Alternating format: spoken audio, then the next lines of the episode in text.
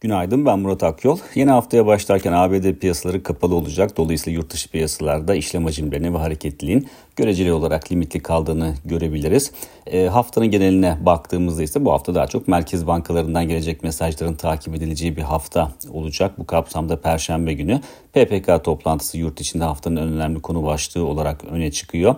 E, Merkez Bankası Başkanı Fatih Karahan e, son enflasyon raporu sunumunda enflasyon görünümünde belirgin bir bozulma olması durumunda para politikasının sıkılaştırılabileceğini ancak şu anda ek bir faiz artımına gerek olmadığını belirtmişti.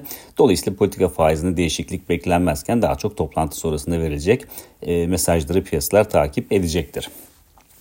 Yurt dışına baktığımızda ise e, yurt dışında da yine bu hafta e, hem FED hem de ECB tutanakları açıklanacak.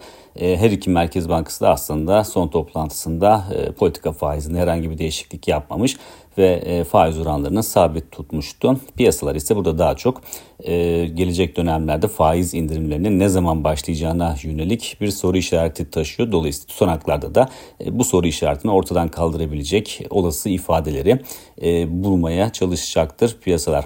Dolar TL kuruna baktığımızda orada hafif yukarı yönlü eğilimin devam ettiğini görüyoruz. Haftayı 30.82 seviyesinin üzerinden noktaladı dolar TL kuru. Özellikle henüz enflasyonun e, zirve yapmadığını ve Merkez Bankası'nın Mayıs ayında %73 seviyesini e, beklediğini düşünürsek e, son dönemde gerçekleşen yukarı yönlü eğilimin kurda çok aslında sürpriz olmadığını da söyleyebiliriz. Cuma günü makroekonomik veri tarafında piyasa katılımcıları anketi açıklandı. Orada yıl sonu enflasyon tahmininin %42'den %42.96 seviyesine yükseldiğini gördük. 12 ay sonrası için enflasyon beklentisi ise %39.1'den %37.8 seviyesine geriledi. E, bu hafta bir de hazine ihalelerini takip edeceğiz. 6 e, ihraç var e, hazinenin bu hafta gerçekleştireceği. Dolayısıyla o ihraçlarla birlikte Şubat ayı borçlanma programı da tamamlanmış olacak.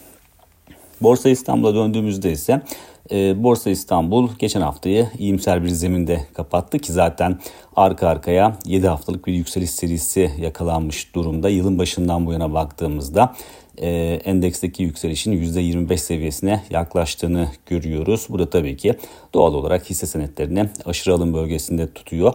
Buna karşın e, belirgin bir momentum kazanılmış durumda içeride. E, dışarıda ise ekonomide yumuşak iniş senaryosu ve merkez bankalarından faiz indirme beklentileri ön planda kalmaya devam ediyor ki bu da yukarı yönlü hareket alanını destekleyen bir unsur olarak çalışıyor. Teknik açıdan baktığımızda 9000 puan seviyesinin üzerinde olunması BIST endeksinde lehte bir görünüm yaratıyor. Yukarıda en önemli direnç seviyesi olarak da ilk etapta 9365 puan seviyesi takip edilebilir. Bir sonraki podcast'te görüşmek üzere.